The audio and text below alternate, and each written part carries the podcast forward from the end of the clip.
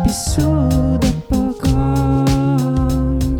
Trondheim går mot vår, så vi bryter ut i sang. Still inn FN-mål, hør etter alle mann. Vi får besøk av Elisabeth Land. Velkommen til studio TH. Utsikten er vill. Er du ikke solgt, kom opp hit, bli med og ta en titt. Dette går vi på, Egon og tar en banansplitt. Du hører på Typisk Indek med Jakob og Håkon. Til alle som har vært på lesesal, kiosk eller kantine på Gløshaugen siste uke. Everyone who visited a reading room, canteen or kiosk at Gløshaugen is asked to get quarantined or tested. Ordene tilhører rektor ved NTNU Anne Borg, som forrige mandag meldte om at alle som hadde vært innom rom 253, bedre kjent som optimeringssal på Skjelhuset, 16. eller 17. februar, pålegges karantene etter påvist covid-19-smitte. Det mistenkes at vi har med mutanten å gjøre, det vites ikke i snakkende stund, men vi her i Typisk Indøk vil uansett sende en velfortjent hyllest til femteklassing Sander Noreide, som var åpen om sykdommen fra første sekund, og bevisstgjorde alle klassekamerater om situasjonen via Facebook. To dager forkjøla, så to dager frisk, deretter to dager med feber og hoste, men nå skal altså gutten føle seg frisk som en sunnmøring, heter det i rapporten han sendte til Typisk Indek-redaksjonen tirsdag kveld. Meget ryddig og meget modig, og vi ønsker han lykke til med å følge Julie Blakstads fotspor og bli Indøks neste landslagsspiller i fotball. For alt er mulig. Det er mottoet vårt her i Typisk Induk. Mitt navn er Jake van der Basten, og med meg i studio Med meg i studio Tyholt så har jeg, som alltid, min høyre hånd og beste venn Håkon André. Hvordan går det med Norges sjette beste Wordfeud-spiller? Du, her var det mye på en gang som vi vil ta tak i. Altså, det er greit at du kaller meg Håkon August, men Håkon André, det vil jeg ikke bli kalt, ass. Det, vil jeg, det er det siste jeg vil. Etter å bli torturert, kanskje. Der setter du foten ned, altså, på Ja. André. Er det Jeg- apostrofen som irriterer deg, eller? Nei, det er noe med at André det er liksom en del av Kim André, og det er så, Og Kim René og ja, det er, det er så mye Det er feil, feil navnefamilie. Ja, det er uggent med det hele. Ikke noe for deg. Nei, rett og slett ikke. Ja, Håkon August, da. Forhold oss til det. Mm. Ja, altså, jeg vil også påpeke at uh, jeg er Norges femte beste. Ah, beklager, Ja. beklager. Nå surrer jeg fælt. Ja, hvor kommer den eh, meritten fra? Det er fordi det finnes noe som heter Wordfood League of Honor, som er en sånn seriespill som det spilles annenhver uke. Ti stykker mot hverandre. Kan man rykke opp, og det er ni divisjoner, og det er eh, 128 ligaer totalt. Og da har jeg spilt i første divisjon i eh, ganske lenge. I en del år. Før jeg slutta å spille aktivt sånn i slutten av 2014, så det var da jeg var rangert på mitt høyeste. Hvor jeg ga opp fordi det tok så ekstremt mye tid. Jeg måtte bruke så mye energi på å lære meg ord, være aktiv i spillet. Og du vil jo ikke legge noe som hva som helst når du er i toppen heller. Du må tenke mye, altså. Så det ble nok, rett og slett, for meg. F- Fikk du noen gang lagt ordet 'ambassade'? Nei, det tror jeg 150 ikke. poeng? Det tror jeg ikke. Kom aldri dit. Det er litt for langt ord, vet du. Men det Det er et strategispill! Ja. Akkurat som sjakk. Folk tror det er lek og moro, men Wordfeud er kun strategi. det er, det, det er mitt, mitt mantra der. Det er Planlegging. Men hva med deg, Jake? What's up? For tida så er få ting up, men eh, enda færre ting er ned. Hver dag er ganske lik. Jeg gjør eh, litt for lite, egentlig, for å holde meg aktiv. eh, Men har eh, sett på Ikke lov å le på VGTV. Blitt fascinert av dette programmet til Mats Hansen. Jeg syns det er revolusjonerende TV. Jeg har sett det to ganger. Først i Oslo med tvillingbror, deretter i Trondheim med deg og Amanda. Og jeg syns det er gøy. Vi ser syv kjendiser på ganske tynn is. Mm. Og det er et eller annet med Mats Hansen òg. Jeg blir fascinert av sånne typer som det, som er litt kontroversielle, litt ekstraordinære. Han føyer seg inn i rekken av andre folk jeg er fascinert av. Kan nevne Jordan Peterson, Veronica Orderud og Viggo Kristiansen. Så Ja. ikke lov å le. Det syns jeg er gøy. Jeg syns du skal være litt forsiktig med å male Jordan Peterson og Mats Hansen sine forbilder. Det gjør at du virker som en helt annen fyr enn det du egentlig er. Jeg sier ikke at det er forbilder, jeg sier jeg ble fascinert av dem. De har en Ja, ja. appell hos meg. Ja, da kan Men jeg, si jeg, at jeg er fullstendig kritisk til alt de gjør òg. Jeg kan si at det ikke har en appell hos meg, men jeg elsker programmet likevel. Det er fordi at jeg syns det er én, veldig morsomt tidvis, når ting funker og humoren sitter, og to, ekstremt fascinerende konsept å se på. Ja, det Å er se et sosialt hvordan- eksperiment. ja, hvordan de interagerer med hverandre, hvordan det blir. Og det er jo dritkleint og pinlig tidvis, men det er også veldig fascinerende og gøy å se på at det blir sånn også. Det er, ja, og så er det vondt å se desperasjonen som oppstår når de må ha poeng. Grusomt. Men jeg har jo lyst til å gjennomføre dette her eh, som et event, som et slags force. Jeg lurer på om det er mulig. Så hvis noen der hjemme har gjennomført det på private initiativ, så er det bare å sende oss en melding og si hvilke regler spilte dere med, hvordan løste dere det, hvordan røk man ut, hvilke premier hadde man, og om det i det hele tatt funka. Ja. Uten at man hadde 50 kameraer og en dommer som så det fra utsida. Så det har jeg lyst til å teste. Um, nei, og så skal Janus FK starte opp med trening i morgen. Nå er våren tilbake. De første vårdagene har vi hatt i Trondheim denne uka her. Det har vært helt nydelig.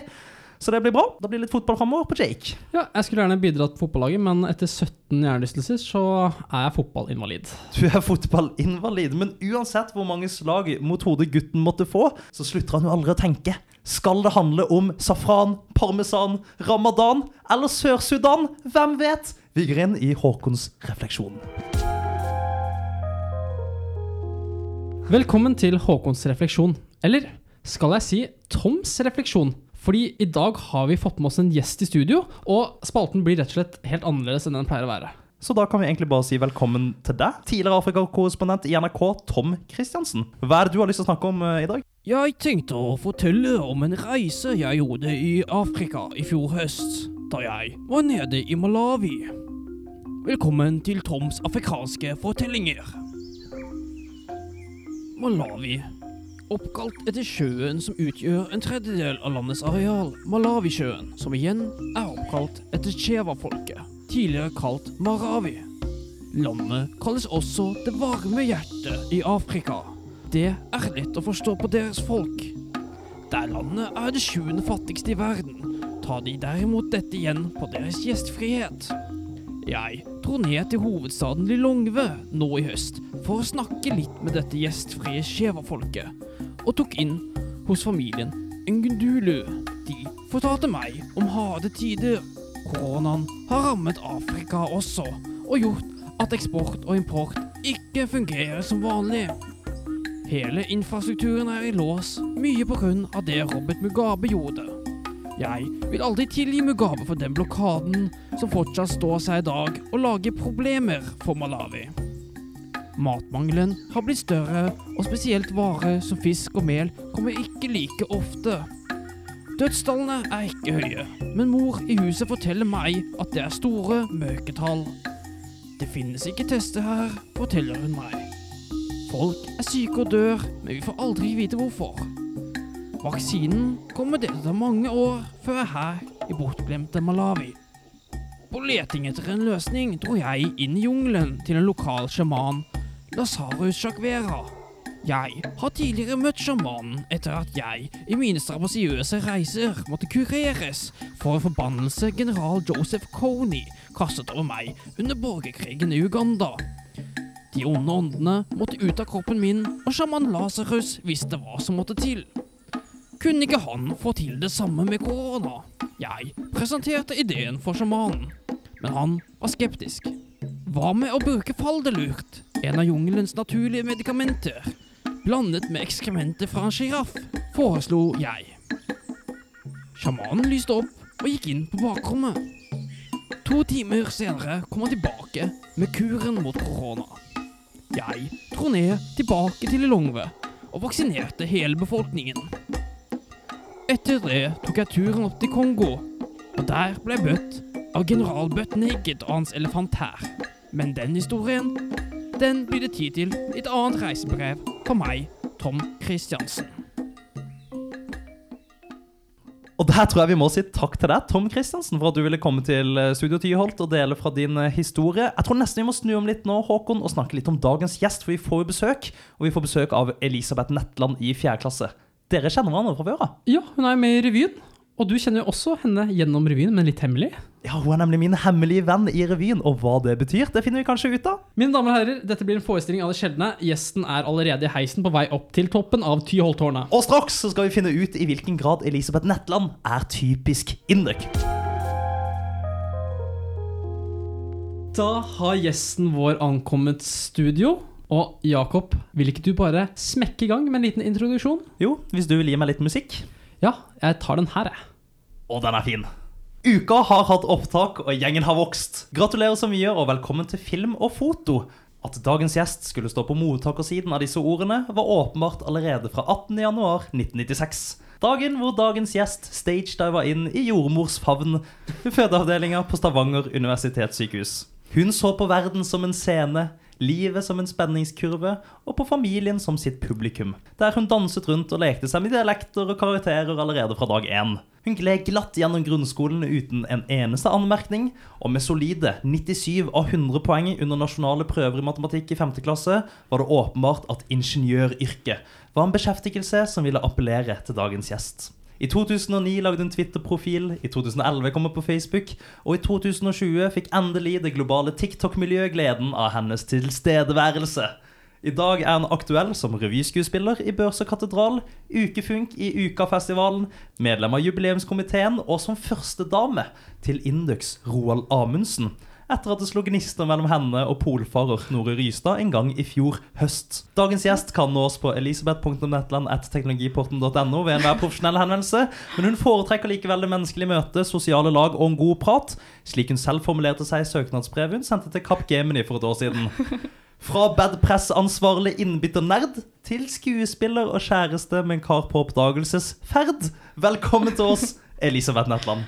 Tusen takk. Wow, det var helt, det var helt imponerende. Det var mye, mye på en gang, kanskje? Ja, det var utrolig mye bra, mye som stemte. Ja, det er du som står bak alt dette her, så vi må jo bare si at det er veldig bra. Ja, bare dette her med stagedivingen, det er jo noe jeg elsker. Tenk at du har fått med deg det. Ja, jeg har lest disse fødselsnotatene ganske nøye, og de, de bruker jo ordet stagediving selv, disse, disse jordmødrene. Men var det noe vi bomma på her, eller treffer vi ganske presist sånn stort sett? Åh, du, Jeg kommer ikke på en eneste ting, jeg. Hva med Twitter i 2009? Jeg gjorde ikke det, nei. Jo, du gjorde det. Vet du hvor mange tweets du har? Mm, jeg ser for meg eh, fem skjulte. Ja, det kan hende, fordi det var null offentlige. Ja. Det står null tweets! Ja. Jeg var så spent på å lese disse tweetsa fra Elisabeth Netland. Mm. Nå er tidlig ute. Du, eh, hvilket ansvar har du i film- og fotogjengen i uka? Ja, jeg er filmfunk, så har nettopp blitt eh, tatt opp. Eh, veldig, veldig spennende. Jeg har jo ikke lagd så mye film eh, før, så jeg var veldig god på å redigere Insta-filmer. Og det gikk fint. Så um, Er det Insta-filmer du skal lage i uka? Eller skal du lage Det er jo faktisk tunge det. videoproduksjoner? Og... Nei, jeg skal jo faktisk lage Insta-filmer, så det var jo perfekt. Mm. Men er du veldig god til å lage Insta-filmer? Altså, jeg syns det sjøl. Jeg ser veldig mye på Jeg, s- jeg ser på filmene mine sjøl, ja. Jeg har kanskje sånn 1000 views på Insta. Jeg ti- sip- tipper at eh, 500 kanskje er meg. Ja. Um, Ja, men Da er det 500 der ute som har fått med seg innholdet ditt. Det er jo veldig bra. nettopp. Ja. Har du YouTube-kanal? Det har jeg ikke. Nei. Men det var en drøm, faktisk. Det var det. På videregående. Da drømte jeg om å starte YouTube-kanal. Hvorfor gjorde du ikke det? Nei, åh, det jeg var nok sjenert, da. Ja. Kanskje du var også litt eh, for tidlig ute? Altså, sånn ungdommen i dag de nøler jo ikke et sekund med å lage YouTube-kanal. Men Mm, i 2008-2009 så var det liksom litt i sin spede begynnelse. YouTube-kanal var liksom fortsatt noe sært. Jeg kan godt hende, men De som lager YouTube-kanal i dag, de prøver jo å bli influensere. Jeg skulle ønske flere gjorde som meg. Jeg har også en YouTube-kanal, men der bare legger jeg ut sporadiske filmer.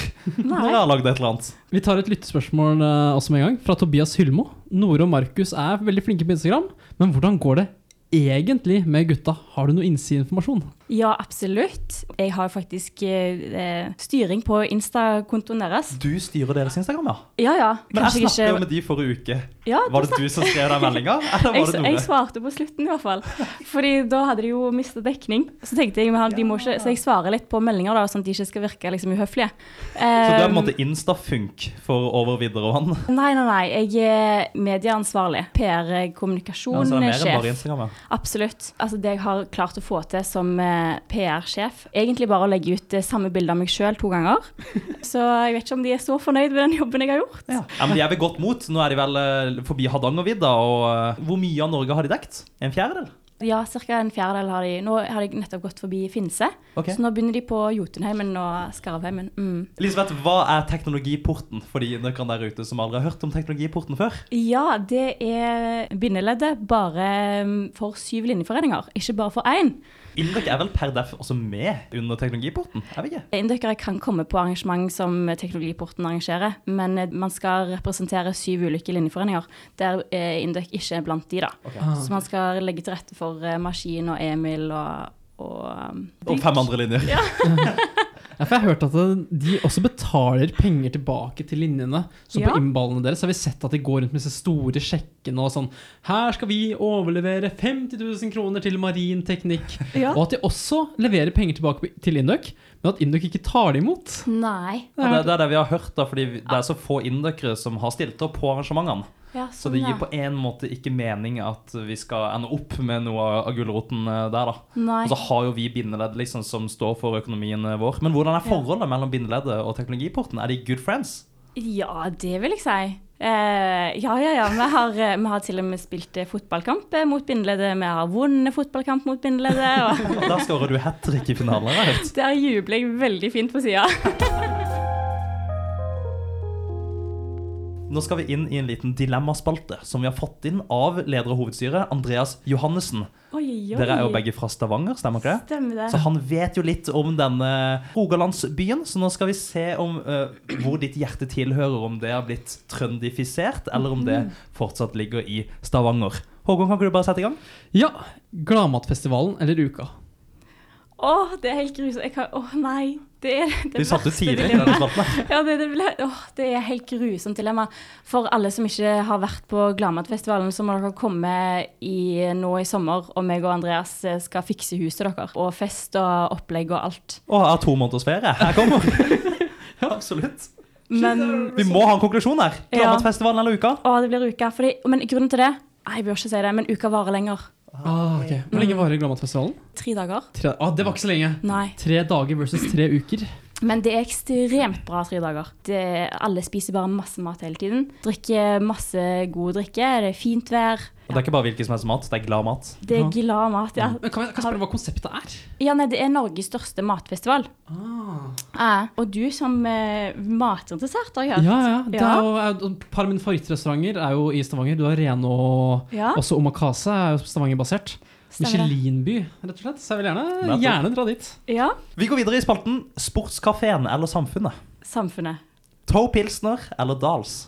Ehm, Dals. Så er det riktig, eller hvordan er det man sier dette? N- Altså, nei, Tau. Tau? Tau. TAU? Tau Pilsner. Eh, Ah, ok. Da har Andreas skrevet det ja. feil. ja. Neste. Kaizers Orkestra eller E? DDE? Åh, nei, b- jeg syns jo ingen av de er noe bra. og det, kommer, det er så mange som kommer til å bli fornærma når jeg sier at Keisers, jeg ikke liker Keisers. Åh, Hvordan kan du Men- ikke like Kaizers? nei, jeg tar Det det er vakre tilbake. igjen. ballader. Jeg har ikke lyst åh. Og Eh, jeg elsker Kaizers. Gjør du det? Ja. Du Ja. og meg er like som et par dråper vann. I hvert fall hvis du tar Ja. og spann. Du kan låtene, Ja, ja! ja, ja. Nei, men de har jo noen fine sanger. de har det. Jeg syns bare det blir litt maste. Men Så da, går, den- da lander du på DDE, da. eh, nei, Keisers eh, over det det. OK, vi går videre. Uff, jeg bør bare ta tilbake alt dritt jeg sa om Keisers. Jeg bare sier Keisers med en gang. Trykker på færrest mulig her. ja. Fargegaten eller Bakklandet? Åh, Fargegaten til 1000. Å ja, der var det null tvil. Ja, ja, ja. Det er jo det nydeligste, og ja, virkelig. Er det, Det er hva, så hva god er det som er stemning. liksom gamlebyen i Stavanger? Nei, det er akkurat som om eh, Bakklandet har sett et bilde av Fargegata, og så har de prøvd å kopiere. Ah, ok. Mm. Og så- ja, så det er bare, den er litt større, eh, det er finere, det er sprekere farger. Mm. Det er b- utested på utested. Ja, for dette er utestegaten her. Ja, Jeg har ja, vært i ja. gaten her. Du har det. Jeg, jeg Bar så Street. den gata her og tenkte wow, dette var fett. Dette minte meg om Europa. Det minte meg om Ja. alle de bargatene som finnes i storbyer som i Paris. Kådos. Dukker med Madrid, så kan du få det. Alle sånne steder har de Nettopp. typene. Og eh, på Gladmaten så danser folk ute i gatene, og det står en DJ midt i gaten. Og så bare Så fett. Ja, det er helt dritkult. Åh, jeg gleder meg til eh, jeg skal få hus av Andreas i sommer. Neste dilemma. Stavanger domkirke eller Nidarosdomen? Eh, Nidarosdomen. Absolutt. Den er vakre med majestetisk, eller? Ja, veldig. Den er Lengre flott. historie. Viking eller Rosenborg? Viking, er du gal? Vi glemmer jo aldri når de vant eh, seriegull i 1991. Vil du spise en kebab på Happy Time eller en burger på Sesam? Happy Time. Åh, det er det beste stedet som finnes. Syns du? Mm, og norgespizza. Det er jeg som elsker pizza, burde jo egentlig ikke si dette, men det er en pizza som det er dynka med fries og eh, er så god. Det er på Happy Time. Det er på Happy Den Time. heter Norgespizza. Mm, der skal vi gå etter vi har vært på Gladmaten. Ja. Men Happy Time var det ikke sånn sann nå, var det ikke? det? Og jo da, De har det det. er på en måte kebabsjappa i Kristiansand òg. Happy Ja. Time. Så det, det er en, eh, om Ja, ja. ikke franchise, så fins det i hvert fall flere steder. Jeg Hva tror det er ville du franchise. valgt, da? Jeg går nok for burger på Sesam. Eh, Nei. jo, jeg må gjøre det, fordi det er så mye slåsskamper utenfor Happy Time i Kristiansand. Ja, Så jeg tør ikke å gå der. godt poeng.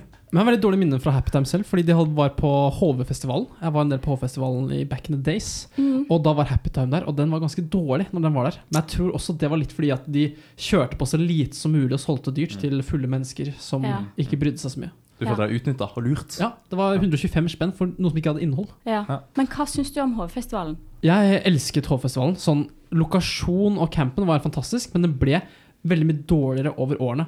Så jeg var der i 2011-2012. Fantastisk god stemning. Ah. Ja. Og så merker man veldig at her er det veldig mange av de som er mer interessert i festingen enn musikken som kommer. Så det ble færre og færre på konsertene. Mer og mer russevibe i campene og sånt. Og Ja. Mm. mindre liksom den Roskilde-festivalviben. Ah, Så i 2014 tenkte jeg at dette blir siste år, for nå kommer de til å konke. Fordi ingen er inne på området, ingen kjøper øl, ingen ser på konsertene. Jeg så liksom et band som Foles. 50 publikum maks, da. På Roskilde så er det samme på hovedscenen. 10 000 mennesker. Så folk er bare i campen og Ja. drikker øl og chiller? Det blir bare en russetreff. da. Det blir som Tryvann, liksom. Men det ble vel siste år òg, 2014? Det ble det, fordi jeg solgte ingenting øl, og det gikk konk. Ja. Det er nemlig den beste festivalen jeg har vært på. Ja, du er enig? Eh, ja, men jeg var, var det der det året når Calvin Harris var? Ja, 2013, ja. Det var 2013, Mm. ja. Åh, det er ingenting som kan måles med det. Eller mm, Vinjerock, kanskje. Nei, jeg syns også at det var fantastisk. Var det på Frank Ocean i 2013? Ja. Åh, det var en fantastisk konsert. Beste konserten jeg har vært på til dags dato. Ja. Åh, jeg har et bilde av venninna mi som hylgriner. Og bare det- men det var, Fordi det var så vakkert. Det var så fint. vakkert. Ja. Ja. det var så vakkert. Det var, Ah. Mm. altså, jeg husker, Alle filmer jo konserter nå om dagen. Hele tiden. Jeg husker på Frank Ocean. Så var det sånn, Jeg begynte å fikk frysninger. Jeg bare ble stille. Jeg klarte ikke å liksom røre meg, fordi jeg syntes det var så bra live. Og så så jeg liksom rundt meg, og det var ingen som filma. Og alle var liksom, de sto sånn her og så på. Og var sånn De helt var helt trollbundne fordi det var så bra. mesmerized av eh, konserten. Wow. Jeg har aldri fått eh, sånne følelser av musikk selv, men eh, sånn er det. Folk er forskjellige, men vi er alle glad i kebab. Velkommen til spalten 20 spørsmål, Elisabeth. Du kjenner reglene, så vi bare kjører på. Vi vil gjerne ha ditt fulle navn. Elisabeth Skåland Netland. Hva var mellomnavnet? Skåland, Skåland? stemmer det? Det er der eh, min mamma er fra, og et sted vi har eh, en hytte, og som jeg er veldig, veldig glad i. Alder? 25. Du måtte tenke litt. Ja, men det er helt, vet, du, En gang så, så skulle jeg leie en leiebil for ett år siden. Og så står det sånn du må være 21 år gammel for å kunne leie denne bilen. Og jeg bare nei, søren. For jeg er jo bare 17. Ja, jeg, bare, jeg, er jo- ja, jeg er bare 20, det går ikke. Så var Man jeg blir spurt så 23 sjeldent om da. alderen sin nå, at man glemmer liksom hva det er. Klassetrinn? Fjerde klasse, Teknologiretning? datateknologi. Altså, du, du har tatt en helomvending, du. Det har jeg. Ok, ja. ja. Vil du fortelle historien? Fordi du er jo en gammel Eh, smørekopp. eh, maskinstudent. Mm. Ja. En innbytter, som Marte Bolstad kaller det. Ja, det, hun gjør det. Vet ikke helt hva jeg syns om det ordet, men Friske pust. Ja, sånn Ja. har det blitt data, ja. ja. Stemmer det. Mm. Kunstig intelligens og maskinlæring og ditten og datten. Det er nettopp. Eh, nei, men jeg bytta ganske fort. Jeg bytta etter et halvt år. Så jeg fikk eh, bare hatt ett maskinfag, faktisk. Ehm, Så du kan ikke bygge en motor? ah, nei, dessverre. Jeg hører dere eh, prøve å finne ut av det. Vi leter jo fremdeles, men det er ingen på Induk som kan! Ja, har dere prøvd YouTube? Eh, nei, eh, jeg ser kun på egne YouTube-filmer på Ja. YouTube. men kanskje vi skal høre med Magnus Arveng og Arveng Technologies. Men kan- kanskje vi skal legge ut en YouTube-video? da? Det er det du mener at vi skal søke motoransvarlig? Det er en god kanal for å ro- nå folk. Kanskje, kanskje du kan bli PR-ansvarlig i dette gokart-prosjektet vi har gående? Mm. Absolutt, jeg kan filme, Mm. jeg. Instagram og sånt. Ja, godt. Fra hvilken by? Stavanger? Jeg har alltid trodd det er Sandnes. Nei. Kødda. Ja, du må ikke si det. Sivil status. Kjæreste. Løpende verv. Jeg er skuespiller i revy. Og er med i jubileet og arrangerer jubileum til Indøk. Eh, Og nettopp blitt eh, fotofunk i uka. Å, For en pen verv-CV. Har du en jobb ved siden av studiet? Nei, jeg har ikke jobben nå, men jeg jobba eh, mye lenge på s- restaurant her i Trondheim. Eh, Kalas og Kanasta. Oh. Mm, og litt innom søstrene Karlsen òg. Hva, hva gjorde du? Var du servitør? Jeg Eller? var servitør, ja. Rått. Da du var liten, hva ønsket du å bli når du ble stor? Da ville jeg bli frisør. Frisør, ja. ja. Mm. Eller Klipper du hår i dyrlege. dag? Jeg klipper hår, ja. Jeg klipper mitt eget hår. Det går veldig dårlig. Eh, men sånn får det bare være. Jeg klippa mitt hår for fire dager siden. Hva syns du? Gjorde du? Å, yes. Nei, det var kjempefint. Jeg klipper mitt eget hår og farger mine egne bryn. Nei. Jo da. Oi, wow, det var eh, utrolig bra. Ja. Du bør nesten eh, kan være Begynne sånn å ta penger for frisørkonsulent. Mer av det. ja. Hva hadde du studert om Induk ikke fantes? Godt eh, medisinstudie. OK. Topp to hobbyer? Topptur på ski. Og eh, Elvetur på ski. ja, Krysse elver. eh, og buldring. Har du begynt å klatre? Ja, Mm. så jeg anbefaler alle å være med i Bulldog. Ja. Det er så gøy. Engasjementet til Bendik Edvardsen, det? Ja, jeg- Ja. Det er ve- veldig tydelig for meg at topptur og buldring er liksom de to øvre middelklasseaktivitetene, og nå skal alle skal inn i. Det er liksom, Alle liker det, og det er bare vi som driver med det. Ikke vi, da. Nei, ikke vi. Nei. Vi er Men, men veldig folk som Elisabeth. ja, det, det er egentlig det mest kjedelige du kan drive med nå. Altså, ja. Ja, det Men alle er det. gjestene våre er jo helt like alle gjestene våre kommer derfra. ja, men Jeg ser på meg selv som arbeiderklasse, og det gjør Jakob også. Mm. samfunnets avskum. Det var dine hobbyer. Hva er ditt forhold til Lerkendal studentby? Eh, har du bodd der? Og hvis du har bodd der, hvilke innstillinger hadde du i så fall på varmtvannstanken? Og hvis du ikke har bodd der, hva mener du med det for at Lerkendal stadion skal fylles opp og føles slik man husker det fra slutten av 90-tallet? Vi går videre til Håkons kreative spørsmål. Ok, litt kreative spørsmål herfra. Jeg har selv vært i Stavanger. Stolt spørsmålstegn? Ja, det er jeg. Absolutt. Men det jeg la merke til, som jeg nevnte i stad, er at det virker mer sydeuropeisk å være i Stavanger. Hvilken sydeuropeisk by ligner Stavanger mest på? Oi, det var et eh, vanskelig spørsmål. Jeg har faktisk ikke vært i så mange byer i Europa. Jeg har vært veldig mye i Spania og bare eh, vært litt stuck der. Så da får jeg si Alicante. Ja, da blir det Kan vi gjøre Alicante? Stavanger, Norges Alicante. Vi fortsetter i Stavanger. Glenn Lyse, hvordan går det med grabban? Eh, han går det strålende med. Han synger fortsatt. Eh, og eh, er, det, er han sanger? Ja, da. Ja, han er det. han, På Idol. han vant jo Ja, Idol. ja, du, eh, han er faktisk onkelen til venninna mi. Ja. Men hva driver han med i dag? Vet du? det? Eh, nei. Vi går videre. Jeg har et lite sideprosjekt nå, hvor jeg driver og skal undersøke effekten av fyllekjøring på sparkesykkel. Jeg lurer på, Har du noen tips til innsamling av data? For der sliter jeg litt. Eh, ja, du, det er he- Wow, så tilfeldig at du spør meg. Det er jo akkurat det jeg òg driver med for tiden. I et sideprosjekt som du har gående. Ja, ja, ja, det er jo viktig å ha noen hobbyer. eh. Det er jo faktisk akkurat det vi driver med i EIT, prosjektet mitt. Det man gjør da, da installerer man et eh, GoPro-kamera på sparkesykkelen og kjører. I fylla. Ja, for det må, hvis man skal finne ut om, man kjører, altså, om det er full av kjøring, så må man jo være full, ja. Ja, ja. Er du ikke redd for å bli stoppa av politiet, da? Eh, man må gjøre det når det er mørkt. Ok, så- for da er ikke politiet ute, selvfølgelig. De slutter jo arbeidsdag klokka fire. ja. Det var mine tre spørsmål, og dine tre kreative svar. Du har dermed bestått nasjonale prøver i 20 spørsmål. Og kan prøve deg i neste oppgave, som heter Kosepraten. Men jeg eh, bor jo sammen med ei som studerer lektor i, eh, i samfunnsfag. Og de skulle diskutere dette her med nasjonale prøver, om det er noe som bør, eh, om de bør fortsette å ha. da. Og da sier jeg sånn ja, ja, ja, det var jo så gøy. Eller det sier jeg i bakgrunnen fordi hun var på Zoom. Og da hører jeg eh, han ene som hun er i møte med, sier sånn de som liker nasjonale prøver, de er psykopater. Oi, Mm. Og jeg bare ble jeg kalt psykopat, ja. da har vi nok en del psykopater på Indøk, da. Ja, har vi ikke det, ja? Man liker jo en opplevelse av mestring. Mm. Er det ikke det man sitter igjen med da når man har gjort det bra på nasjonale prøver i 5. klasse? Jo, At kanskje dette det. klarte man er der jeg skal være. Ja. Men jeg tror, jeg tror man trenger det datamaterialet for å kunne sammenligne norske student, hva heter det, elever da på barneskolen med finske og svenske, og for å få en tall på hvor gode norske femteklassinger er i matematikk. Ja, nettopp. Men det som er ganske interessant, og hvis man googler sånne ting altså Resultatene fra nasjonale prøver ligger jo ikke ute, men det fins jo sånne konkurranser. Jeg husker jeg deltok i noe som heter Abel-konkurransen et par år på videregående. Og i 2012 eller noe sånt, så eh, deltok jeg, og så gikk jeg, kom jeg ganske langt. Så jeg gikk jeg inn og sjekka resultatene sånn for ikke så lenge siden. Og da var det fanken meg mange indøkere altså, på den topp eh, 20-lista. I, Serr? Sånn Johannes Lacasse, Sander Coast Selvfølgelig har de vært med i Abel-konkurransen. Så veldig interessant å se. Velkommen til kosepraten, Elisabeth. Kanskje den koseligste praten i ditt liv.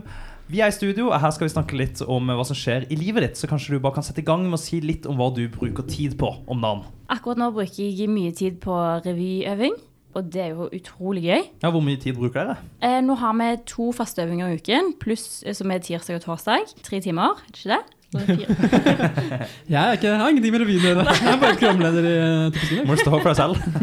ja.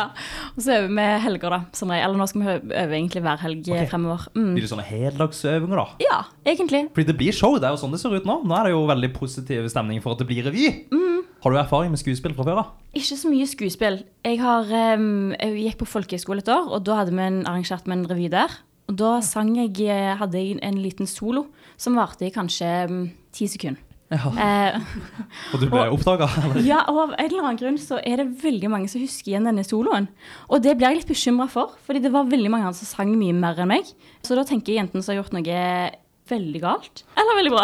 Eller så er det litt med at jo mindre du gir, jo mer spennende blir du. Ja, Sånn at du kanskje ikke skal det. gi så mye. Nei, det Så var en prøv å liten finne de tease. rollene i revyen Elisabeth med færrest replikker. da blir du huska. Ja, ok. Du, Nore Rystad, han trekker av din kjæreste. Han trekker ofte eh, frem brødbaking, botanikk og dialekter som sine topp tre interesser. Oi. Har du en favorittdialekt? En favorittdialekt, ja. Vi skal vestover. Ja. Ja, det er nemlig Nordvestover. Stryn. Stryn? Stryndialekt Nei, ha, Sånn, sånn som uh, Tor Endre Flo snakker oppe i Er det Stryn. Sogndal? eh, Stryn Hva er sorry, Jeg Stryn? Elisabeth? kommer fra Stry- Stryn. Er- Ja, Ja, men det er jo så Sunnmøre Det er jo kanskje jovialt. sånn Sand- og Noreide-området, Men det. Stryn Ja. er jo rett ved Sogndal, er det ikke? Der, ja. Ja, Tor Endre Flo er fra Stryn. Ja, Ok. Jeg lurer på om eh, Nord eh, trekker frem eh, Surnadal som sin favorittdialekt. Han sa det, ja. Jeg, jeg tror han har sagt det som en Oi, eller annen oi. fun fact en gang. Og der er meg og Mats Møller helt enig med Nore. Kanskje Ingeborg Hamnes òg. Hvem vet. Du, en kjapp skoleprat. Hvilke fag har man våren i fjerde klasse? Ja, man, har, eh, man kan velge ganske mye. Man, kan velge, man får jo velge eh, hovedretning. Eh, så jeg har valgt finans. Jeg tar prosjektfinans og empirisk finans. Og så tar jeg big data og eh, EIT. Eksperter i Ok. team. Det er jo ganske rått, egentlig. Vi har akkurat de samme fagene. Mm. Nei. Jo, bare ikke EIT, da. Jeg har ikke EIT. Jeg tar bare tre fag, jeg. Gidder ikke flere. Det fortjener han nå. Mm. ok, og Hvor jobber du med disse fagene hen? Er du på skolen på sal, eller sitter du på hjemmekontor? For det meste på sal. Du er på det mest på sal, Ja. Har det ordna seg med salplasser og sånt? Vi har vært innom det før, men verken Mats Møller eller Katrine Sju ville uttale seg OK. om eh, dette oppstyret som oppsto i Ja. august i fjor. Nei, Jeg har fått en fantastisk salplass, så jeg er strålende fornøyd. Hvem sitter du med der? Jeg sitter sammen med Ingrid Aaseng. Er det Mm. din beste venninne, eller? Det stemmer. Godt observert. Jeg ser dere ofte sammen. Ja, vi går veldig ofte sammen. Vi har det veldig gøy, så det blir eh, fort sånn. Kanskje bra podkast etter hvert? Ja, men det tenkte jeg faktisk på når vi var i Italia. Da var det noen andre som hadde podkast. Eh, og så tenkte jeg, når de eh, legger ut sånn, sti- eh, sånn søknad om fordi de skulle slutte, så tenkte jeg da må vi søke. Ja, og etter Mette og Nore, liksom. Ja. Og så kom det aldri noe utlysning. Kom aldri noe utlysning der, nei. Nei, men Det jeg, var er- korrupsjon som førte at vi endte opp med dette men jeg vervet. er jo kjempe... Altså, det, dere har gjort en så bra jobb, så det er fantastisk at det ble sånn. Din tid kommer, Elisabeth. Mm. Kanskje allerede til neste år. Hvem vet. Men du er jo innom utveksling her, og Ingrid. Hvordan hadde dere det på utveksling? Dere var i Vi var i Milano. Vi var først eh, tre uker på språkkurs i Roma. Det var helt fantastisk. Og så var vi i Milano og hadde det helt nydelig. Lærte du deg italiensk? Jeg kan veldig lite italiensk. Jeg forstår en del, men eh, får eh, ikke til å si så mye. Veldig ofte når jeg sier ting, så blir det feil, og så ler folk. Så jeg har klart å si, når jeg spurte hvor gammel er du, så har jeg klart å si hvor mange anuser har du.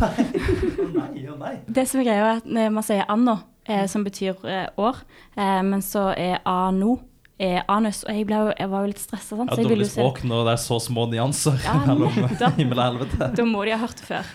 Hva med den italienske maten og den italienske drikken? Var det noe for deg? Åh ja, det er jo noe jeg elsker. Fikk du dratt til mathovedstaden Bologna en tur? Ja, absolutt. Ja, for det er kjent som mathovedstaden i Italia, det. Ja, det, Bologna. ja, men det er det. det er klart det er det. Ja. Ja, fortell om Bologna. Nei, men De er kjempefornøyd med det, at de blir kalt mathovedstad. Ja, for det er jo denne linken med Bologna og bolognese som den observante lytter sikkert får med seg, da. Nettopp. Det er derfor de blir kalt eh, mathovedstad. Nei, men det er, Jeg tror det er mange retter som stammer derfra. Mm, Og så blir de, de blir kalt òg den feite byen. La Grossa, tror jeg. Ja, Storbyen. Nå kan det godt være at jeg spyr ut eh, løgner, men eh, Det gjør vi i denne podkasten. ja. Det er en podkast som er fullstendig åpen for Det er fri flyt av frimelding. ja. Det er fordi eh, de spiser så mye fordi de er mathovedstad. Ja. Ja, Da må man spise! de spiser mye. Det er pålagt. Da kan vi egentlig bare ta et lytterspørsmål vi har fått fra Katrine Akre Aas, femte Åh. Mm. klasse data. Du kjenner henne kanskje fra utveksling. Hun spør om du har noen vintips. Ja, absolutt. Det er bare å sende DMs. Så skal jeg, det er veldig viktig at jeg får eh, hvilken anledning du skal drikke vin, Mm. eh, hvilken mat du skal ha. Veldig viktig. Det er veldig viktig. Ja, det men er da, veldig da viktig. tar vi en test Så- på det her og nå. Ja. Eh, Håkon, hvis du bare gir en kontekst og hva du skal spise, så får du et vintips fra Elisabeth. Ja, jeg skal spise noe fyldig kjøtt, okse, og kan godt tenke meg å gå liksom nordover i Italia og få et eller annet. Hva vil jeg ha til Du maten? må si mer om konteksten. Og du vil- Hvilken setting skal du spise? Jeg skal spise hjemme på en fredagskveld. Jeg er Med ferdig med lang mandag. arbeidsuke. Nei, da tror jeg du må gå for en eh, Barolo. Det er en, eh, en rød, kraftig italiensk vin fra Piemonte. Ja. Nettopp, nettopp. Høres det bra ut, Håkon? Du kan jo Ja, litt om kjempe. vins verden selv. Kjempe, Godt valg. kjempevalg. Vi tar en liten kjapp tur innom uka. Går uka som normalt, Elisabeth?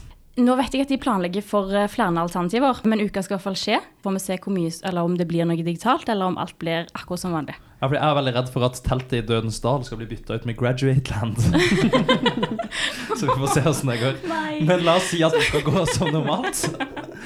Til førsteklassingene der ute, hva skal man, de har jo aldri opplevd uka før. Ja. Hva skal man få med seg i uka? Hva burde man kjøpe billett på? Hvor burde man være litt på hugget? ja, sånn ja. Nei, man bør kjøpe alt. Det er egentlig det Go big or eneste svaret jeg har. go home? Nettopp. Ja, men Har du et par arrangementer som de burde få med seg? Ja, sånn ja. Ok, Men grunnen til at du må kjøpe alt, det er for du kan bare selge det senere. I tilfelle. Du må bare ha plass. Her er det en Mm. fra finansverden som snakker. Bare Ja. kjøp alt, så selger du for en Litt dyrere, ja.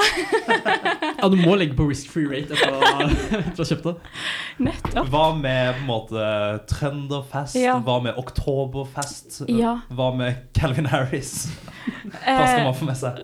eh, nei, man, eh, man må jo f- altså, Jeg har jo ikke fått med meg Oktoberfest sjøl.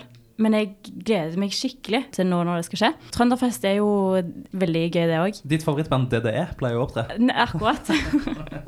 Jeg tror, eh, Oktoberfest er nok mitt eh, høydepunkt eh, fra de Ja. ukene jeg har vært på. i hvert fall. Det er Helt mange som sier det. fantastisk. Masse god dans, svære glass med øl, god stemning. Det er Lederhosen, det er Dirndlens, det er det ene og det andre. Og så blir det litt mer hedonisme, fordi når folk liksom skal hoppe inn i en ny subkultur, så tenker man at ja, nå kan jeg drite meg ut mer, nå kan jeg bare slippe meg enda mer løs. Det er ingen som ser meg, Håkon, lenger. Nå ser de bare oktoberfestkostymet mitt. Dette er jo først og fremst en podkast om hedonisme og subkulturer.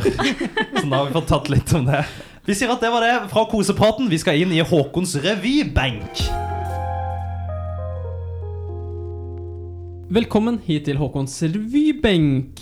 Og vi har jo snakka litt om revyen allerede tidligere i episoden, så jeg skal prøve å hoppe litt tilbake til eh, noen ting. Men la oss starte med starten. Hvorfor søkte du Indøk-revyen i det hele tatt? Det var jo fordi jeg ikke kunne søke om å være podkaster. Så nå måtte du fylle tida med. Ja. Det er en fantastisk bonus for meg, da. Det er jo eh, den gangen meg mest av alle. Nei, men jeg gikk rundt i Italia og tenkte det at jeg har eh, lyst til å stå på en scene og, og synge og spille. Med minner fra folkehøyskolen som, som sitter igjen da. Nettopp. Men før du kom så langt at du ble med, så var du på en audition. Ja, Husker du auditionen din godt? det gjør jeg. Hvordan var det å være på det, egentlig? Hvordan føltes det? Nei, det er jo Man får jo, når man eh, søker som skuespiller, da, så får man en mail der eh, de spør om du, at du skal vise ditt eh, største talent. Og da tenkte jeg søren, jeg må vise mitt eh, talent, hva kan det være? Kom ikke på noen ting, så jeg ringer til mamma og spør eh, For jeg tenker, hun er ærlig, hun skrøt av meg, det går fint. Jeg spør mamma, hva er mitt eh, største talent? Og hun svarer å, men jenta mi, du er jo så god til så mye, du. Og det Det er det man sier til folk som ikke har talenter. Nettopp, ja. Mamma, dette må du skjønne. ja sant. Så jeg måtte jo kamuflere dette her, da. Da tenkte jeg at eh, hvis jeg lager en sang, så eh, skjønner de ikke at eh, det er lite talent, eh, men eh, mye engasjement. Så du lurte meg? rett og slett. Nettopp. Og du har ennå ikke skjønt det. Indøk-revyen bygges jo på engasjement og ikke hovedsakelig talenter. Er vi ikke enige om det? Som Jo. den amatørrevyen det er. Det er jo ikke penger involvert, på en måte. Absolutt, men her syns jeg Elisabeth underskjeller seg selv litt. Altså. Nesten litt slemt å si mot eh, andre folk som, ikke, som også søkte. At du, Ja, ok, du det- ikke hadde talent. Søren, det er sant. Du har jo en absolutt ikke. vakker røst, Elisabeth. Men jeg skal eh, legge til noe her. Du var veldig godt forberedt til Ja. auditionen. Og det er en kjempefordel. Så det er min anbefaling til alle som vurderer å søke revy i fremtiden, er å være godt forberedt. Og ikke komme dit og være sånn «Ah, jeg har funnet fram en sang, jeg skal bare synge den sangen her. For da er det vanskelig for meg å si liksom, hva er det du egentlig er god på? Altså, hvis du er god til å synge, det kan godt være fint, det, men det er også mange andre. Så man kan ikke bare være god til å synge, for eksempel. da. Men var det ikke noe av Elisabeths tilstedeværelse på scenen, hvordan hun kommuniserte med publikum, som var toneangivende her? Jo, du kan, få, du kan få det at eh, jeg syns du hadde en ekstremt god stage presence. Oi. Som gjorde at jeg, som var, som var din store ferdighet. Som at jeg tenkte at dette vektlegger Elisabeth veldig bra. Men jeg skal ikke røpe noe mer om audition. her, for Det er sånn, må hysje, hysjes litt ned. Ja, Vi stopper der. Vi stopper der. Akkurat som bindeledde-auditionene. De har vi jo fått munnkurv på her og her. Kan ikke snakke om det. Men det skulle jo vært eh, premiere for en uke siden, Stemmer det. og ting har jo skjedd. Hva er egentlig situasjonen akkurat nå? Når blir det revy? Det blir revy 13. til 15. april, så det er bare å legge inn datoen i kalenderen sin. Ja, så må dere følge med på Insta når vi slipper når eh, bill- altså billettene slippes. Fordi det kommer til å bli eh, Man må være kjapp. Fordi det blir jo litt annerledes. Vi får jo færre plasser. Og vi må jo også ha én meter på scenen. Ja, det er harde kår om dagen for skuespillere. Vi går videre til noe annet i revyen, og det er nemlig Hemmelig venn-opplegget. Jeg lurer på, Hva gjorde du for din hemmelige venn? Ja, jeg syns jo jeg var en veldig dårlig hemmelig venn. For da hadde, det var jo midt i eksamensperioden og jeg var litt stressa. Eh, men jeg lagde en rebus til min hemmelige venn, der eh, premien var komplimenter. Hemmelig venn, det er sånn at eh, man får eh, en annen person som man skal være snill med. Og så skal den eh, personen gjette til slutt hvem eh, som var snill mot den, da. Om eh, min hemmelige venn, det var jo deg, Jakob. Hva var det? Ja. Og karen her. Så jeg fikk jo gleden av å motta denne rebusen. Ja. Hvor jeg måtte svare på mattespørsmål og bevege meg litt rundt på sjel. Og kom det en ledertråd etter ledertråd. Og til slutt så fikk jeg både én og to konvolutter med håndskrevne små lapper hvor det sto f.eks.: Du lukter godt. Du har deilig dialekt. Du kler å være gutt. Men du kler også å, du kler også å være jente bedre enn mange jenter. Og du er god i fysikk, og du er helt OK i matte. Disse tingene her, det var gulroten på, på enden av rebusen. Du var vel også hjemme hos meg og hang en liten uh, goodiebag på døra mi. Ja, stemmer. Det var første clou, det. var første clou, for- eh, det begynte der. Ja, Mm. det var det, det som var veldig skummelt. Ja, jeg følte meg som en spion. Eh, og liksom bevegte meg ganske tett inntil veggen og eh, prøv... Men er ikke du litt kjent for å stalke folk, da? Jo, Beveger deg ganske nærme folk og overrasker folk. Og... alt ble avslørt. Jeg prøvde først å gå under gamle bybro på ski, og når du ble tatt av Nidelva, måtte komme tilbake igjen, gå over til slutt. Jeg vil bare si tusen takk for alt det du gjorde for meg. Eh, og nå er det så deilig at vi kan være åpenbare venner og ikke Men- hemmelige venner. Jeg hater å holde ting hemmelig. Ja. Men vet du hva jeg egentlig skulle gjøre? Jeg skulle sette deg opp på, på masse dater, som blind dates. Men nå skjønner jeg jo etter jeg har hørt podkasten, at du ser mer på inndøkkere som venner. Så det var jo bra at det ikke skjønte- skjedde. Kjenner, kjenner ikke du masse maskinfolk og italiafolk og masse folk jo, der ute? sant. Men jeg kan sette deg opp på en ny date. Det, jeg skal fikse det. Men det går vi videre til neste spalte, men vi tar ett avsluttende spørsmål. Ok. Svar kort på dette. Hvorfor skal folk komme og se revyen i april? Fordi meg og Håkon skal drite oss ut. Ja! Og det vil du ikke gå glipp av. Vi går videre til Indøk-praten. Velkommen til Indøk-spalten. Her skal det handle litt om det du studerer, som er Industriell økonomi og teknologiledelse. Å, det er så deilig når du er forberedt. Mm. Hvorfor valgte du å studere Indøk? Elisabeth? Eh, det skjedde i tredje klasse med videregående. Da søkte jeg rundt på sivilingeniørlinjer og fant ut at Induc er perfekt. Så Derfor begynte du på maskin. ja, da begynte jeg på maskin.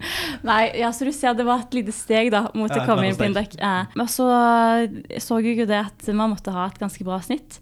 Så da var det bare å jobbe på, jobbe litt eh, opp med noen alderspoeng. Så kom Mm. Så han var seg det. inn på Induc.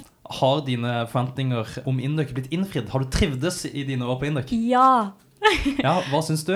Nei, jeg trives så godt på Induc. Jeg syns det, det er det beste studiet man kan gå. Alle må bare søke. Deilig. Du, nå skal vi se litt framover i tid også, fordi vi er jo her på Induc litt for en grunn. Ja, det er hyggelig her på Induc her og nå, men vi skal alle dø en dag. vi skal alle bli uteksaminert en dag. Så Elisabeth, si litt om hva du tenker videre. Hvor er du om ti år? Ja, det er jo så vanskelig. Jeg håper at eh, jeg, har, eh, at jeg får gjort noe som At du kan se at jeg har gjort en forskjell, og noe som ikke bare alle får til å gjøre. Har, Eh, har du noe som du vil oppnå? Har du en liste med ting du vil oppnå? Eh, Nei, men jeg bare håper ikke at liksom, jeg jobber, og så bare kunne alle andre gjort den jobben. på en måte. Men jeg har veldig lyst til å være sånn Jeg har gjort dette. Og dette kan det da være å anbefale den beste vinen til et måltid, og bli sommelier? Det skal jeg. I løpet av ti år så skal jeg være vinkelner og ha tatt eh, sommelierutdanning. Hvor lang tid tar det å bli eh, sommelier? Jeg tror det tar eh, Nå er jeg ikke sikker, men eh, ett til to år. Ja, En fin eh, etterutdanning det, for enhver induker. Ja, ja, Som er det, glad i vin. nei, men det er noe man kan gjøre på kveldstid. Absolutt. Hvilken by skal du bo i? Skal vi tilbake til Rogalandsdistriktet? Det vet jeg ikke. Jeg skal i hvert fall flytte til Oslo en eller annen gang. Mest sannsynlig rett etter studiene. Men Stavanger er jo fint, da. Men jeg liker veldig godt Nord-Norge òg. Flytte dit da? Ja, kanskje. Ja, har du vært noe oppe i Lofoten eller enda lenger nord? Eller? Har bare vært der én gang, men jeg ble skikkelig jeg ble veldig forelska. Ja, men Det har vi aldri hørt her på Typisk Induk før. At eh, jeg ser for meg å reise nordover, starte min egen bedrift i, i Narvik. Ja, nei, det er kanskje min drøm, da.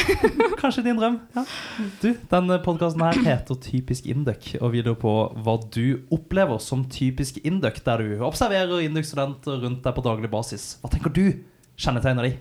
Vi er nok eh, smarte folk som er eh, veldig eh, engasjerte og inkluderende. Åh, det er mange gode superlativer her nå. Du har alltid vært så god til å gi komplimenter. Jeg Opplever deg som hemmelig venn. Ja. Ja, men jeg tror du, du tar noe fellestrekk der. Vil du si med dette i bakhodet at du er typisk induk, Elisabeth? Uff, det, nå har jeg jo skrevet veldig, så hvis jeg sier ja, jeg er typisk indek, så er det Så sånn er du smart, engasjert, inkluderende. Ja, svar, da. jeg, jeg, jeg føler meg egentlig som ganske typisk indek, egentlig. Ja, fordi Vi har opplevd egentlig hittil at det er typisk induk å ikke føle seg som typisk ja, det er induk. sant. Så jeg er ikke typisk indek. Så der, der, Søren. når vi, nå beveger vi oss inn i en eller annen sånn Ekstrem Metagreier. metakommentar. Hva heter det? Noe sånn contradiction, altså sånn um, Det Ja. er paradoksale dimensjoner vi er inne i nå, og det er vi glad i her i Typisk Induk. Nå skal vi inn i lytterspørsmålsspalten. Velkommen til lytterspørsmålsspalten. Vi har fått inn en rekke med gode, saftige, kremfulle spørsmål.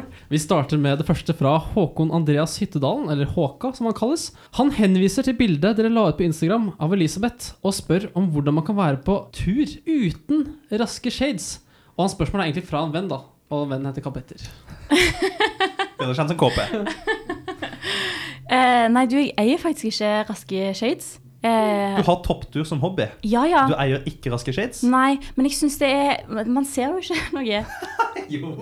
Jeg syns det er vanskelig å, å stå på ski òg med liksom snøbriller. Man har det jo på ofte hvis det er sol, så trenger du beskyttelse til øynene dine. Det er jo på en måte formålet med solbriller. Og så er det jo kult når de er raske. Men jeg trodde alle hadde et par raske shades, fordi plutselig blir man invitert på Rask Shades-fest. og... Ja. Det er mange, liksom, Plutselig er det på påskerenn, og plutselig er det på afterski. og... Du må jo få deg et par med raske shades. Jeg må det. Så husk det, lyttere. 18.1.2022. Da vet dere hva Elisabeth ønsker seg i bursdagsgave. Ja, helst ti stykk. Vi tar et nytt lyttespørsmål. Dette kommer fra Marte Bolstad i 5. klasse. Woho! Enda en innbytter! Er det, har hun Det var sendt ikke inn noe mer det? enn det. det. var- Vi spurte om nyttårsspørsmål, og Marte skrev woho, enda en innbytter. Hvordan stiller du deg til det? Nei, jeg tenker det er bra vi er sammen om det. Eh, så har vi ukentlige terapimøter der vi snakker om våre utfordringer med det å være innbytter. Hei, mitt navn er Elisabeth, og jeg er innbytter. Er det sånn det funker? Mm. Akkurat sånn, det, Har du vært på et møte? Jeg ble aldri blitt invitert, men det er fordi jeg er fullblodsindiker. Ja, søren, det glemte jeg ut. Vi må spørre deg, vi kan jo dra noe ut fra dette Marte Bolstad skrev, og spørre hvor lenge du følte innbytterlappen sto i panna di. Nei, den, jeg fikk faktisk eh, en gratulasjon i høst av eh, ei i klassen der hun sa eh, 'velkommen til klassen'.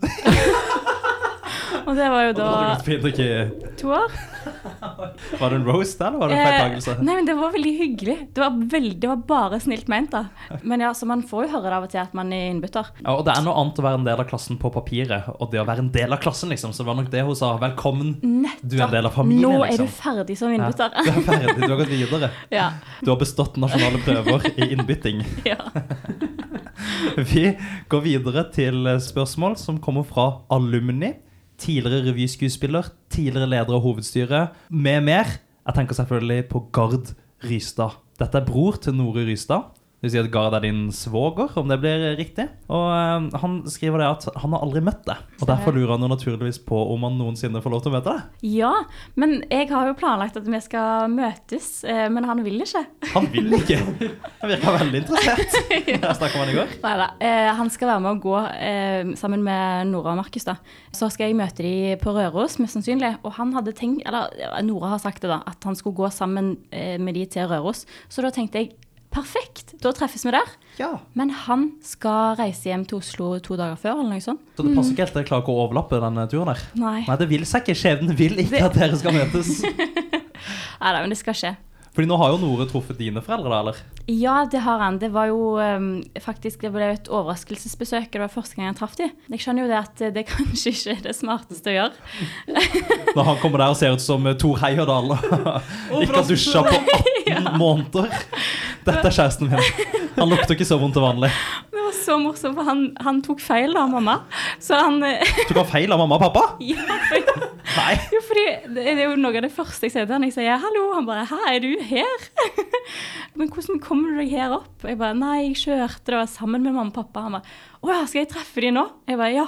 Og så står det ei dame der og snakker med, med Markus, og han sier sånn 'Så utrolig hyggelig at dere ville kjøre opp her, og det var, at dere møter meg her.' Og jeg bare 'nei, nei, nei, nei'. nei. Ja, jeg var sånn abort. Nei, det er Deilig at det er litt, sånn, eh, litt friksjon i det første møtet. Det gjør det bare ekstra spesielt.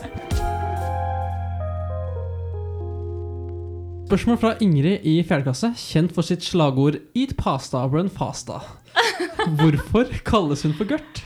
Det er jo Ingrid som kaller meg for Gørt. Er det hun som kalte deg for Gørt? Ja, og nå reagerer jo jeg på navnet Gørt. Og jeg syns det er veldig morsomt å si det, Gørt. Kan du ikke si det på, kan du ikke si det på din dialekt? Nei. Hvorfor skal du til det? Gørt. Så det blir, det blir liksom ikke det samme. Nei, Nei, det ble så liten sånn Gørt. Gørt. Hva er historien her? Altså, det som jeg tror er historien, er at vi bodde sammen i Italia. Og vi hadde to soverom i et eh, stort eh, hus, der det ene soverommet var større enn det andre. Vi delte på det, så vi tenkte det at eh, en har det før jul, og en har det etter jul. Og jeg fikk ha det, det store rommet før jul, og det var jo eh, flaks for meg, for vi måtte jo dra hjem etter jul pga. korona. Men Der trakk du den største senga. Men Ingrid liker ikke så godt å være alene, så hun var egentlig inne på rommet mitt 24-7. Og eh, vi levde på samme rom, så vi hadde ikke trengt å ha to rom. Og da må man jo få lov å fise en gang iblant. Selvfølgelig skal man få lov til å fise en gang iblant. Nettopp. Og da syns jeg ikke man kan kalle noen gørt bare fordi man feiser en gang. Fikk du det for gang én, liksom? Ja. Gikk det én fis, og Ja, så var det ja. kallenavn? Ja. I all verden! Dette er jo akkurat samme som i The Office, hvor Andy kaller Jim for Big Tuna. Det er den første gang han kjøper uh, tunfisksmørbrød. Ja. Altså, da ble det gørt, det er det lyden av fisen din? Liksom, er det det det skal etterligne? Sier man ikke at en fis er en gørt? Jo. Aldri hørt. Jo, i- Det er på Gørt. Østlandet er det vanlig. Man sier. Ja, for jeg visste heller ikke hva det ja. Det er derfor du sier det gørt? på Ja, den for måten. her. jeg har, det er ikke et ord liksom, på stavangersk som sier man ikke gørt. Nei, flatulens kaller jeg det selv. Flatulent. Ja, Fagbegrepet for fis. Nei. Tenk om du kan få det kalt Eller Nei, nei, jeg trenger ikke å få det kallenavnet. Elisabeth, ikke, ikke send det videre til Ja, meg. nettopp som man blir sint hvis man får kallenavn som flatulens. Nei, Det blir et Jens, sånn flatulens. Men å, hør så flott det er. Flatulens og Ingebrigtsen. Ja, det klinger bra som et Ja, navn- det er mellomnavn. faktisk det klinger veldig bra. Et så pent eh, navn for noe så ekkelt som en fis. Vi tar noen spørsmål fra Astrid Midtun. Hun er lektorstudent fra Dragvoll og programleder i podkasten Nesten helg, som produseres på Samfunnet. Du kjenner henne, gjør du ikke det? Absolutt, vi bor sammen. Og hun OK, roomies. Mm. Hun skriver det at Ellie har mange kallenavn. Vi skal holde oss til de baner. Hvis hun promper, er det Smelly. Hvis hun lager en seksuell kult med utnyttelse av mindreårige, så er det R. Kelly. Hvis hun er stygg, er det Grelly. Og hvis hun blir sjalu, så er det Jelly. Jeg lurer på om Elisabeth har noen bra spots å kline på gløs. Har vi- har vi sendt inn dette? Ja, jeg har sendt inn det. Ja, Via ja, Instagram. Bildetjenesten. ja, det har jeg absolutt. Så når du spør om vintips, så kan du òg spørre om eh, klinespot-tips. Ja. På Vi- DM, da. På Vin og Insta. klin med Elisabeth Netland. Vin Ja, og men klin. du, her må du dele av din kunnskap. Vi må få det på tape! Topp tre steder å kline på gløs. Man går eh, inn den gangen, vet du. eh, Ned den trappen. Og så er Hvilken det som helst gang, hvilken som helst trapp, eller? Så lenge den er i kjelleren. Litt mørkt og dunkelt. Da kan jeg ta topp én. Det er eh, femte etasje P15. Ja, da har du view over hele gløs. Og du har solnedgangen, for eksempel en maidag, sånn i åtte-halv ni-tiden. Har du perfekt solnedgang, og du kan se overalt. Og ingen ser deg. Men er det på taket? Nei. Nei, nei, det er sånn i enden av de rommene i eh, femte etasje, som er mot liksom Nidelva. Og de eneste som ser deg når du står der og kliner, det er gjengen fra Janus-kontoret. Det er helt rått Bra altså, å, se, tips. å se noen kline der oppe. Veldig Så, bra. så Altså, det kan vi anbefale- det kan vi anbefale. P15. Nei, eh, yes, vi går videre på spørsmålene fra Astrid. Hun har sendt inn en serie med spørsmål. Hun spør hvilke tre kjendiser ville du invitert på Fire stjerners middag? Og hva ville Elisabeth servert? Ja. Da vil jeg invitert Taylor Swift. Taylor Swift, ja. Vi skal dit. Ja, Ja. absolutt. Hun er en fantastisk dame. Eh, så ville jeg invitert eh, Lando Norris. Er vi i skuespillerverdenen? Han kjenner dere til, selvfølgelig. Nei. Hvem er det? Han er en eh, kjent eh, Formel 1-fører. Ja! Og det burde du visst. Du har sett Formel 1 på Netflix. Du er inne i Formel 1-verden. Stemmer. Ja. Eh. I sesong 1 og 2. OK. Og sesong 3 kommer ut om eh, tre uker. Nei, jeg var fascinert av gokart, men ikke fått helt Formel 1. Nei, ja, jeg er jo Eh, og, ja. veldig fascinert av gokart. OK. Kjendis nummer tre. Kjendis nummer tre, eh, Elon Musk. Deilig liten gjeng på fire. Hva skal du servere? Nettopp. Det kommer til å bli helt eh, fantastisk. Hvis jeg skal lage deg best på, så blir det pizza. Ja, hva tar du på pizzaen? Kommer helt an på. Men en slager er eh, tomatsaus med god skinke. Men det, det, er på, en måte- ok, det er det som er greia, at alt ligger i, liksom, i hvert steg. Du må ha den perfekte deigen, du må ha den perfekte hevingen, den perfekte sausen. Sant? Så det er liksom det er, bare, det er ikke hvilken som helst saus. saus. Ikke hvilken som helst saus, nei. Denne skal eh, naturligvis koke og Vet du hva, det I- blir i pizza på oss. timevis. Vi Det skal blir spise pizza. pizza. Selv er jeg veldig glad i hvit pizza. Fått litt Ja. dilla på det. Ja, Vil du si noe mer om denne fire, fire stjerners middagen? Underholdning det har du kanskje allerede i Taylor Swift. Da Gi hun en kasse gitar, og så blir det love story, kanskje? Eh, ja, altså, det må være et eh, underholdningsbidrag. Så skal vi ha musikkquiz. Og avslutte kvelden med Mafia. Kanskje en liten bønne eller til Elon Musk? En liten joint sånn avslutningsvis for å få opp stemninga? Rett før han triller terning? Ja, det høres ut som en terningkast seks-kveld, dette her. Få det på TV.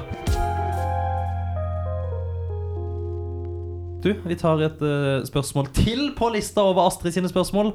Har Elisabeth et partytriks? Det kan være å danse baklengs, eh, spytte morellsten eller andre ting. Har du noe? Jeg kan jo åpne brus Breezers. Ja, med tennene. Vet du det? Ja, Gjør du det? Ja. Fordi eh, søsteren min også, som er 17 år, også er veldig glad i å åpne ting med tennene. ja. Og så gjorde hun det i fjor sommer, og så knakk tanna hans i to. Nei. Mm.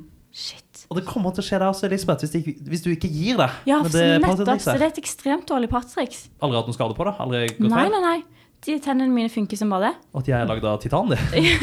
ja. Hva Mm. er det beste å poppe? En ice? En eh, breezer? En pils? Ice, selvfølgelig. Ice. Ja. Ja. ja, Vi er dessverre ikke som Mats Møller, som alltid har med seg en ice hvor enn han går. Så vi kan ikke, Ja, men vi det- kan ikke få testa det. Det er veldig greit, for det, da har, det er ingen som har en unnskyldning til å si sånn Nei, jeg kan ikke drikke den, jeg har ikke noen åpner. Så jeg er sånn Null stress, jeg fikser det. En eh, fun fact om morellstenspytting er at eh, fire ganger norgesmester der er Andreas Wahl. Bror til Wow. Kristine Wahl i femte klasse. Han har pers på 13.06. Det er Kult. helt sjukt langt. Kanskje du skal inkorporere dette her som et partytriks og bytte og poppe ice med kjeften? Ja. Vi tar et siste lyttespørsmål for denne gangen, og det vet jeg ikke hvem er fra. Men her kommer det likevel. Hvor glad er du i året? Veldig, veldig glad i året. Året er jo det beste eh, som skjer i løpet av et år. I løpet av året? ja, i lø- i løpet av året så, så er året det beste. Hva er ditt forhold til året? Fortell om dine minner derfra. Første gang jeg dro til året, det var jo i eh, første klasse. Og da hadde jeg aldri vært på noe afterski før. Men jeg elsker jo å stå på ski. Det å, å gå i svett eh, ullundertøy og stå med sånne store støvler. Og jeg har jo sånn randobinding, og det bet- gjør at jeg kan på en måte vugge. Så det blir liksom en, bare en sånn dans. Da, Beina altså- står liksom planta. ja, og så fikser skoene bare at jeg står der og danser. Så jeg trenger ikke gjøre noen ting. Og så eh, står alle sammen, alle lukter litt drit. Er du nede på verandaen? eller? Fjellgården, selvfølgelig. Nettopp. Ja. Det er dit du skal. Ja, med litt livemusikk, litt Don't Stop Believing, litt eh, raske briller osv. osv. så er det jo eh, det beste stedet man kan være. Og så, ikke minst, drar man eh, hjem, spiser en god middag, drar på bygget. Så drar man hjem kanskje klokken eh, to. Får man seg en eh, god natts søvn og står på ski igjen. Det skal vel en eh, Max Burger inn her før du tar Absolutt. eh, kveld? det, må vi, det må vi ha. Det må til. Og der kan du få påspandert av Mathea Berge Vinsethmo. Fryktelig spandabel på Max Burger i året, har vi hørt. Mm. Oi, det er et godt tips. Gjelder å finne henne på byen. Jeg savner året, ass. Jeg skulle så sykt ønske at vi kunne dra dit i år. Du holdt på å dø i året, Håkon. Jeg gjør det faktisk. Du savner det. Jeg savner, jeg savner å holde på å dø. Jeg- Jeg lærte veldig mye om meg selv da, i den perioden. Nei, året er fantastisk. Det var, det var kjipt, men også veldig selvfølgelig at det ble avlyst i år. Dere har jo en mulighet til eh, neste år. Dere får gjøre det meste ut av det. Men du kan komme, du òg. Kan man det? Kan man komme som alumni til året? Ja, Å, jeg kan, vet ikke. kan vi innføre det nå? Og starte en tradisjon? Det. Ja. Ja, men det, er jo, det ville i så fall få tatt igjen det tapte, da. Med at det ikke ble Sant noe i Mm. år. Det er jo et litt kjipt eh, siste år på Induc for oss som går i femte. Ja, virkelig. Så kanskje vi får eh, besøke Håkon litt til neste år. Og Elisabeth. Og se hvem som har tatt over podkasten, og sjekke ut året. Kan jeg bare avslutte med et sitat fra Erik Veseth, den gamle FTV-legenden på Induc. Han sa at han hadde ikke droppet året for sin egen mors begravelse. Det sier litt om året. Og med det så går vi inn i avslutninga. Og velkommen til avslutninga. Her skal vi runde forsiktig av. Elisabeth, jobben er gjort, og du har gjort det helt suverent. Hvordan syns du det har vært å være gjest her i Studio Tyholt? Det har vært helt fantastisk. Mye bedre enn det jeg tenkte. Jeg var litt nervøs på veien, men det har gått så fint. Så bra. Har du noen beskjeder til de der eh, ute? Hva er det du har lyst til å si, Elisabeth? Ja, jeg tenkte jeg kunne eh, gi en eh, oppfordring om å være litt eh, mer åpen. Kanskje tenke at man skal få seg noen eh, nye venner. Man ser jo at det er ganske mye ensomhet eh, blant studenter eh, i Trondheim, og det kan alle sammen eh, gjøre noe med. Og så tror jeg òg at eh, man får det mye gøyere sjøl dersom man eh, har lyst til å, å bli kjent med noen nye, rare mennesker. Meget pent. Dette er året for å få seg nye venner. Er det bare å strekke ut en hånd og ta litt tak. Det kan bety enormt mye for de som står på mottakersida der. Og med det så sier vi tusen takk til deg, Elisabeth. slett for en herlig opplevelse å se deg briljere her i Typisk Induc. Vi ønsker deg lykke til på revyscenen, og lykke til i alle fremtidige eksamener og prosjekter du måtte ha. Håkon, kan du avslutte? Med viking.